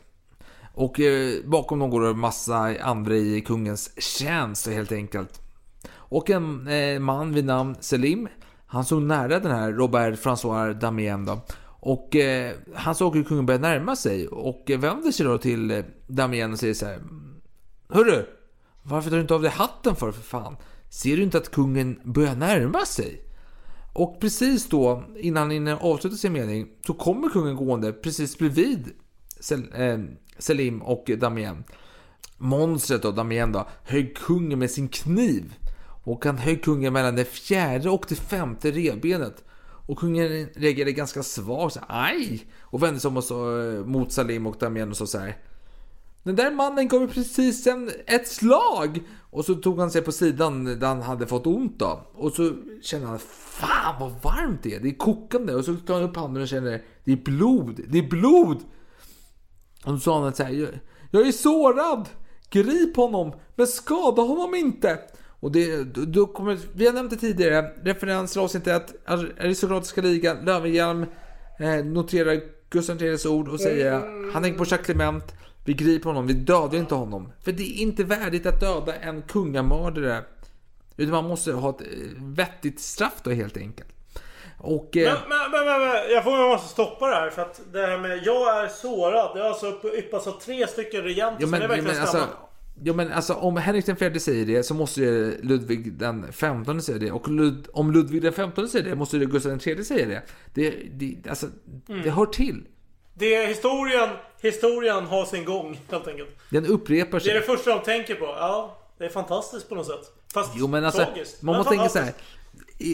Den sinnesnärvaron som Löwenhjelm har när Gustav III blir skjuten. Von Essen säger han är skjuten och Gustav säger aj! Jag är skadad, jag är sårad. Eh, Ja, han säger på franska och alltså precis som eh, Henrik den fjärde. Ja, ja, ja, alla pratar ju franska för guds skull. Det är inte min poäng. Jo, jo. Men Löwenhjelm... Men det är ändå viktigt. Det är ändå viktigt. Jo men Det är är skarp i tanken och tänker vi vill inte ha en Jacques historia här liksom. Vi, vi kunde straffa honom Mm. som Ravaillac eller Damien då. Eh, Precis. och eh, i, i den här pamfletten står det följande då. Den förfärliga mördaren. Efter att ha slagit detta fruktansvärda hugg rörde sig aldrig från platsen. Och hertigen Diane frågade vem som var den skyldiga mannen. Då svarade mannen med uppsynen av en Ravaillac. Det är jag! Han greps och leddes till vaktrummet. Så den här Damien, han, han såg ut som en Ravaillac. Om vi kollar på bilder på Damien, han ser ju väldigt ond såg- ut. Han har en spetsig såg- näsa, mungiporna går neråt. Han ler ju inte. Han är inte som att han har vunnit eh, eh, miljonchansen eller färgfemman på Bingolotto direkt liksom. Han har inte pratat med eh, Leif Loket utan han är arg. Han har förlorat på jackpot. Han har förlorat precis. Ja, sen när du säger att han ser ut som en Ravaillac, då menar du just precis det du precis beskrev. Ja men det var den, alltså det, detta är ju alltså en pamflett från 1757. De säger att han såg ut som en Ravaillac. Ja, okej. Men- men- men Ravaillac ska, vi, ska, vi, ska, vi, ska vi spekulera bara för att liksom försöka fylla i de här luckorna? Va, va, hur ser en Ravaillac ut? Alltså Damien ser inte så jättetrevlig ut. Kolla på en bild han ser arg ut, han ser otrevlig ut. Han ser väldigt... Mm. Alltså det är en sån person som går och knivhugger dig när du ska tanka din bil alltså. För att råna dig på 5 dollar. Alltså det är den amerikanska drömmen som går åt helvete, ser ut som. Han, han ser ut som typ eh, den som... eh, jag tänker på, fan, av någon, av någon jättekonstig anledning, Scooby-Doo. De ska liksom avslöja mördaren. Då är det någon som är tjurar och ser arg ut. Och det, det är typ det, det är Ravaillac. Ja, precis. Men i alla fall. Kungen, han låg skadad i Versailles och man var ju inte beredd på att han skulle ligga där. Man hade inte förberett hans sovrum i Versailles. För han, gillade, han var ju för tillfället i Trianon och eh, hade trevliga stunder med Pompadour. Då. Eh, och eh, så där fick man inga lag, ingenting. Man la honom i sängen. Prästen kom och kungen biktade sig och Ludvig XV vi kanske kommer att ta avsnitt i framtiden om Pompadour.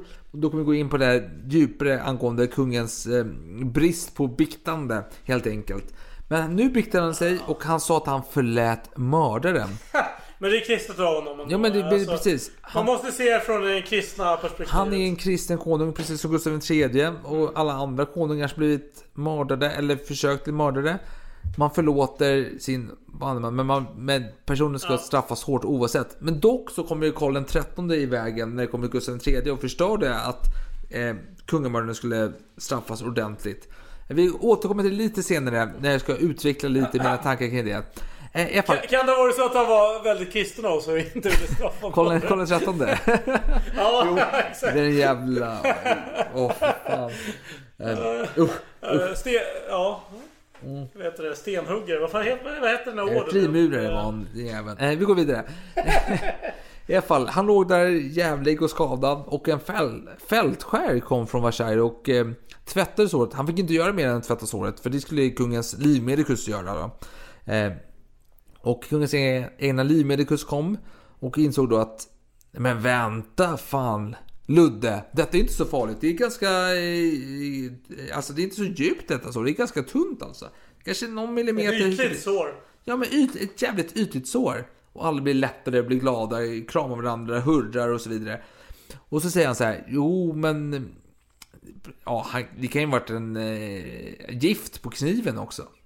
Och då blir alla dödsdömda igen helt plötsligt. Alla gråter och eh, kronprinsen, nummer 16 år, sitter och gråter i ett hörn. Och kungen, eh, eh, kungens drottning, hans fru, då, går in och han eh, ber eh, henne förlåta honom för att han har dragit eh, en över familjen genom att sätta på Pompadour hela tiden och så vidare, så vidare, så vidare, så vidare. Så vidare. Och eh, Eh, kungen är övertygad om att han är mördad. Han säger hela tiden Jag är mördad, jag är mördad. I hans värld är han mördad. Och, eh, och det, det finns en charm i detta. Jag tänker på Gustav III. Hans stora skådespel när han ligger med sitt ruttna sår. Alltså, det, man ska ta emot på ett värdigt sätt. Det, det, finns en förpliktelse med sitt ämbete som man måste full, eh, fullfölja här helt enkelt. Ja. Han hade en föregångare. Det var liksom... eh, Tänkte, jag vill bara göra... Förlåt att jag avbryter det här men jag tänker med så här modern jämförelse med... Du har de här gamla klassiska Hollywoodfilmerna. Mm. Och av någon obskyr anledning ska du göra en remake på dem. Ja. Men du vill ändå hedra det gamla. Så du kan liksom inte helt skita i att de, de gjorde ett jävligt bra jobb liksom. Så du måste ju på något sätt hedra det. Det är Ja. det jag tänker att man kanske gjorde, tänkte. Alltså, Gustav. III då, mot Ludvig den XV.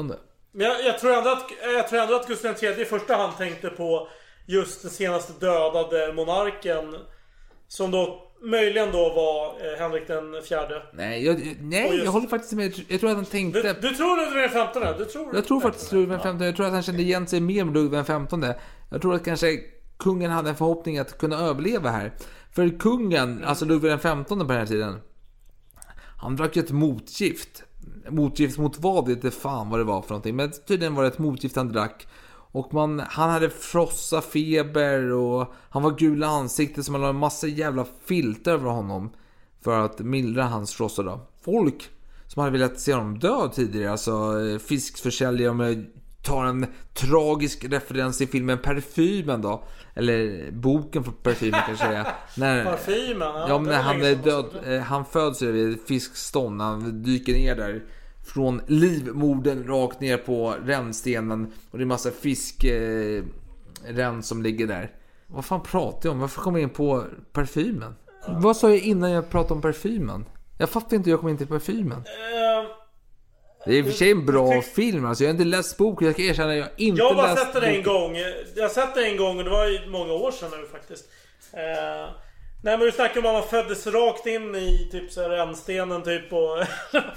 vad- Någonting sånt. Jag har ingen Eh, aning. ja. Gula ansiktet hade frossa. Det, det, jag vet att jag pratade om att han hade frossa. Men Damien då. Han, oavsett vad jag sa om parfymen. Jag, jag minns inte. Helt plötsligt så bara bröts den tankegången helt enkelt. Men i alla fall, vi skiter i det. Vi går vidare. Eh, kungen dog inte. Ludvig XV dog inte. Damien dömdes dock för kungamord. Eller parisi. Vad säger man på svenska? Parasite. Sku, jag, jag skulle säga så här, faders... eh, Mord. mord.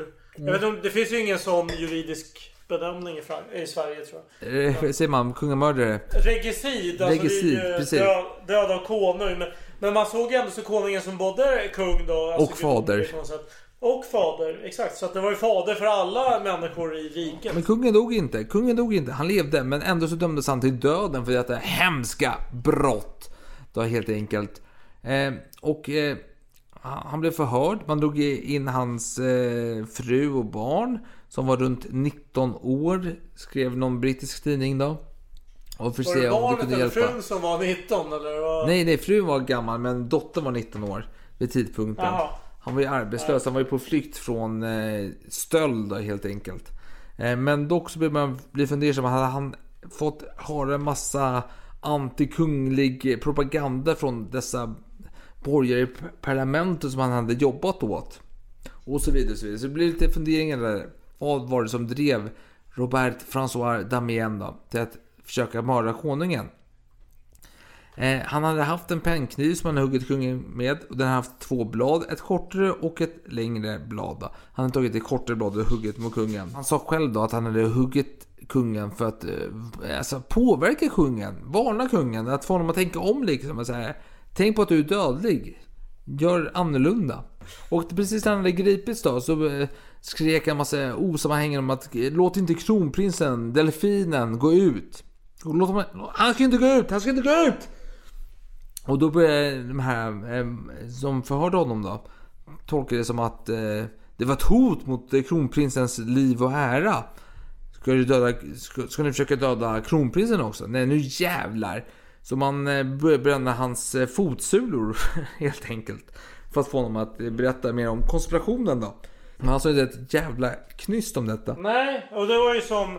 Som Ravaillac, han hade ju egentligen ingenting att säga. Han, han tyckte att han var ensam skyldig. Han hade ingen ånger utan han gjorde det han var tvungen att göra. precis. Så, och sjöministern och justitieministern Han blev så jävla galen utav detta så han ville samla massa ved och, bräng, och bränna upp Damien då på Versaillesgården. Utan rättegång och så vidare. Utan han, eh, han var ju skyldig. Brände upp honom som en jävla häxa. Och då kom polismästaren i Versailles och sa nej, hopp upp. Han citerade Göran Persson helt enkelt. Jag har, jag har bråttom. Upp, upp. Håll er borta. Och sa att nej nu jävlar, eh, detta skedde utomhus. Så det är polisens område detta. Du håller käften och ber dig backa undan. Jag tar hand om denna utredning. Och så han, man tog honom till fångenskap och där band man fast honom. Eh, han kunde inte gå någonstans för han hade ju ont i fötterna för han var ju uppbränd helt enkelt. Eh, man band fast hans, eh, han låg på någon sån här jävla järnbädd eh, helt enkelt. Han var ju fastbunden då, med remmar då, runt armar och ben och allt möjligt. Han, han, han kunde, även om han var fri kunde han inte röra sig någonstans. För han hade så jävla ont i fötterna. Och mängd utav vakter som vaktade honom.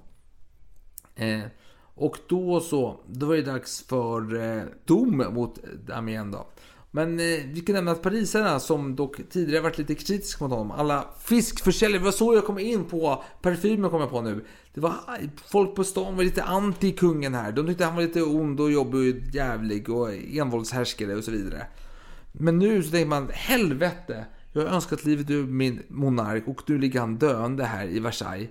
Vad har jag gjort? Vad är jag för någon typ av människa? Jag ska bara, hålla, jag ska bara fånga lax och hålla käften helt enkelt. Jag ska inte hålla på med något annat. Eh, Nej, de, man ångrar sig. de ångrar sig och de eh, var mässa efter mässa efter mässa efter mässa i alla kyrkor i Paris. Och eh, utanför Apropå stats... mässa, alltså... Eh, bara för att bryta in här. Henrik IV när han skulle ta över franska tronen. Då var det ju Paris som stod emot då. Mm. Men då sa han så här att Paris är väl värt en mässa. Och i samband med det så konverterade han till katolicismen då för att eh, parisarna skulle acceptera honom som ny kung. Ja. Nu får du gärna ta över. Jag kände bara att det var lämpligt. Spännande, spännande. Nej, men de ångrade sig i alla fall och de bad och de stod utanför stadshuset och väntade på alla nyhetsuppdateringar. Idag får vi så här en eh, liten flash i telefonen. Det är någon update, vad fan de heter, som skriver någonting. Men på den tiden så stod man utanför och väntade på bulletinierna som stod att Hur mår kungen? Han mår dåligt, han mår bra, han mår dåligt, han mår ännu bättre. Fantastiskt. De blev glada och han blev eh, friskförklarad efter ett tag då. Eh, alltså kungen mådde ju dåligt väldigt lång tid efter dåligt. Han tänkte, hata folket mig.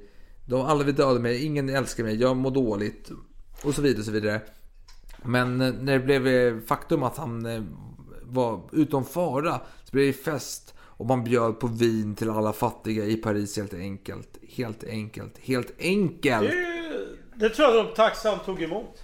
Ja, ja, ja absolut. Men sen började man hata kungen igen. För han var envåldshärskare och han var hemsk och så vidare. Så vidare, så vidare. slu, slut på vin också. Ja, men alltså, där vinet sinar och skatterna ökar. Alltså jag känner igen det där liksom. Man, man vill inte betala mer skatt och gå till Systembolaget. Man vill ha vin och andra leverantörer som eh, ger utan alkoholskatt. Är- Jag känner igen mig i det där. Jag känner igen mig i det där. Jag, jag, jag känner mig som en man utav Paris helt enkelt. Du känner som en Ravaillac. Nej, det gör jag verkligen inte. Jag älskar kungen, jag älskar konungen. Så är det. Jag är en royalist ute i fotsulorna helt enkelt. Men i alla fall. Damien, de, eh, han blev anklagad för mord, mordförsök. Eh, att beröva franska folket. Och jag tror den här, en gentlemans brev till eh, sin vän i London. De skrev någonting om att oavsett vad de interna hemligheterna är så är det så här att vad han gjort så var han ändå kung utav Frankrike. Och folk älskar honom för det. För att han är Ludvig den 15 helt enkelt. Och han har satt... Han, tänk så här Alex. Han har legat i sin säng, han har mått dåligt, han har varit dödssjuk. Han har sagt till sin son. Du kommer bli en mycket bättre kung än vad jag har varit. Tänk på att vara hedlig och ärlig och så vidare. Och så har han bett syndernas förlåtelse för att han varit otrogen mot sin drottning och så vidare och så vidare. Och helt plötsligt så lever han. Han lever. Och då Ja, och så dags- fortsätter vara otrogen mot sin drottning och Ja, så vidare. ja, ja, ja, ja, ja. Alltså man, minnet är kort för fransmän. Det är bara så. Det är bara så. Och eh, eh, det är dags att döma eh, Damien då. Det är parlamentet som har varit emot kungen tidigare. De är där och dömer och eh, olika prinsar och så vidare. Alla så dömer honom till döden. Han har mördat, han försökt mörda en, mörda en kung.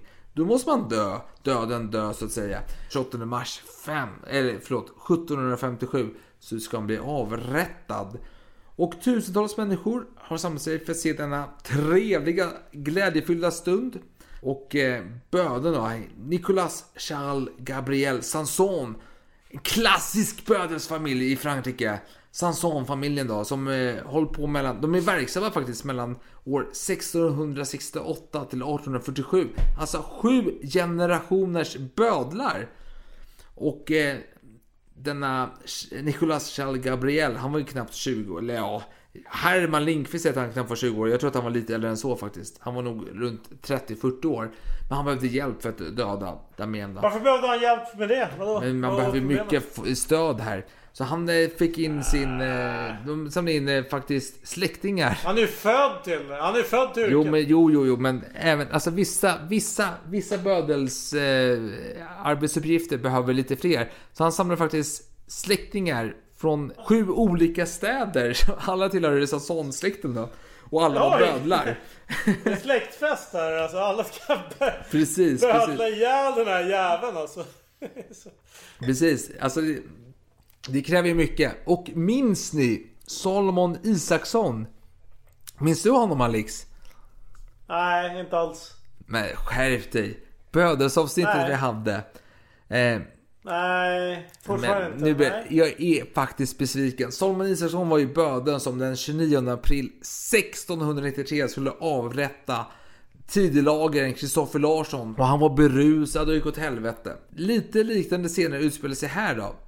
För... Eh, det, ja, jag, ska, jag ska erkänna, det började faktiskt jävligt bra. Det började jävligt bra. Man tog fram eh, sin tändsticka och började elda hans högra hand över en öppen eld. Damien då. Sen tog man eh, fram en glödande tänger som man brände med vid bröstvårtorna, armarna, låren, ben och så vidare. Man eh, jackiskt. Ja, verkligen. Man hade å, eh, alltså, det fanns öppna sår på Damiens kropp. Som man hällde kokande olja, smält bly, kära, vax i såren och han skrek som fan helt enkelt. Sen band man fast hans armar och ben i remmar som var kopplade till hästar. Alltså en häst vid varje lem helt enkelt. Fyra lemmar så inte får någon misstanke där om att det var en femte lem inblandad. Så skulle hästarna springa varsitt håll. Man, därför man behövde fler bödlar för alla skulle piska varsin häst då för att Alltså man kan ju alltid ha assistenter va? Ja men, ja, ja, men, det var, ja men det var ju bödlar i... Alltså det var inte rackare utan dessa var ju bödlar från olika städer alltså. Det var ju Sanson-släkten.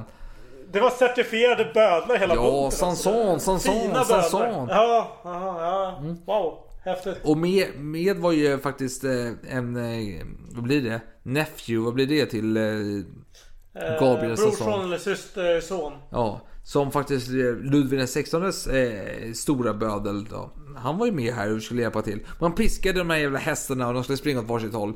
Men Damiens kropp var ju gjort utav stål helt plötsligt. Alltså, det var inte den jävla soja där, utan det var ju stål rakt av. Så hans eh, lemmar revs inte av. Och så man höll på där och piskade de här jävla hästarna. Kom igen nu, spring nu, spring nu! Galoppera för helvete! Men de har galopperat som fan, men du, kroppen kom inte någon jävla vart alls alltså. Jag, jag, jag, tänker, jag tänker på det var Jacks avrättning där, att det var tre starka hästar men det var en svag häst. Men här var det Och fyra svaga här- hästar uppenbarligen. Även om var... Ja, exakt! Exakt! Var det den ädla riddaren som erbjuder en ny springare som kan... nej, nej, nej, en nej, royalistisk nej, nej, nej, nej, nej, som kan Alex, göra Alex, jobbet. Alex, Alex. Man höll på i en timme.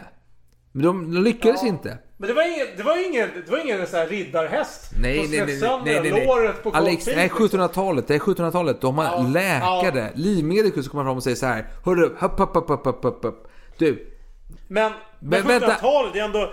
Ja, man borde ha bättre springare än man hade på se- 1600-talet tänker jag. Men ja, men, jo men alltså, alltså tänk på att eh, virket i dammen, alltså det, är större, det är större utmaningar att vara jakt, det är det du säger. Ja, mycket, mycket större. Mycket, mycket större. Damien, alltså du, du hör ju på namnet.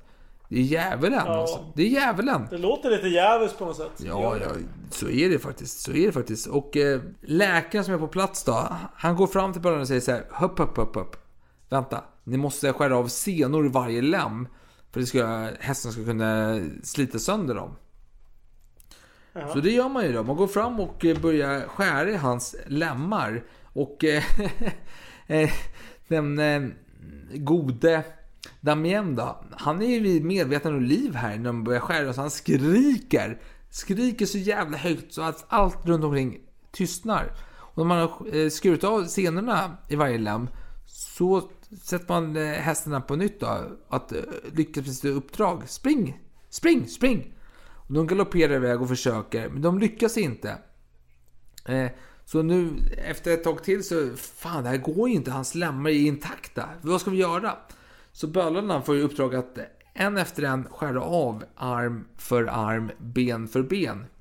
Och Damien då, han är ju faktiskt vid liv och vid medvetande när den sista lemmen huggs av. Helt enkelt. Det är säkert eh, syftet också att han ska vara vid Ja, ja. Det tror jag. Och för att För han ska citera... få en sista bön där. Ja, ja. För att citera posttidningen den 14 april 1755, 1757 skrev de så här.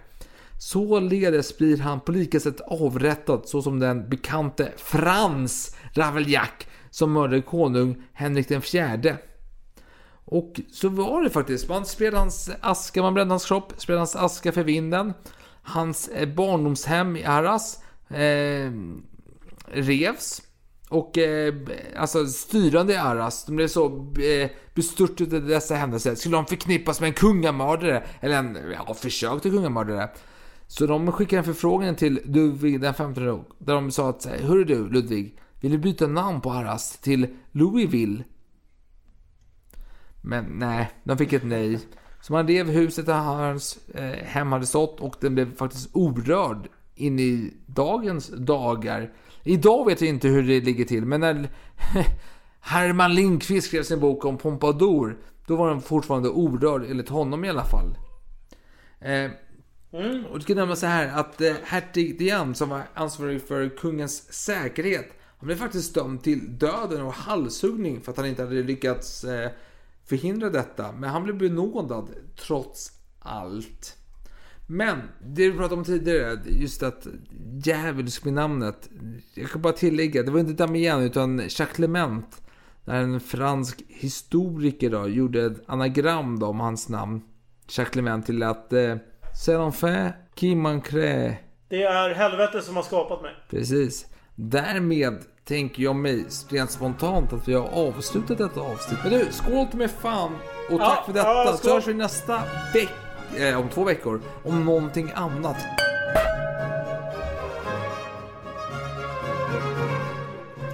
Vilken jävla klang jag fick till alltså.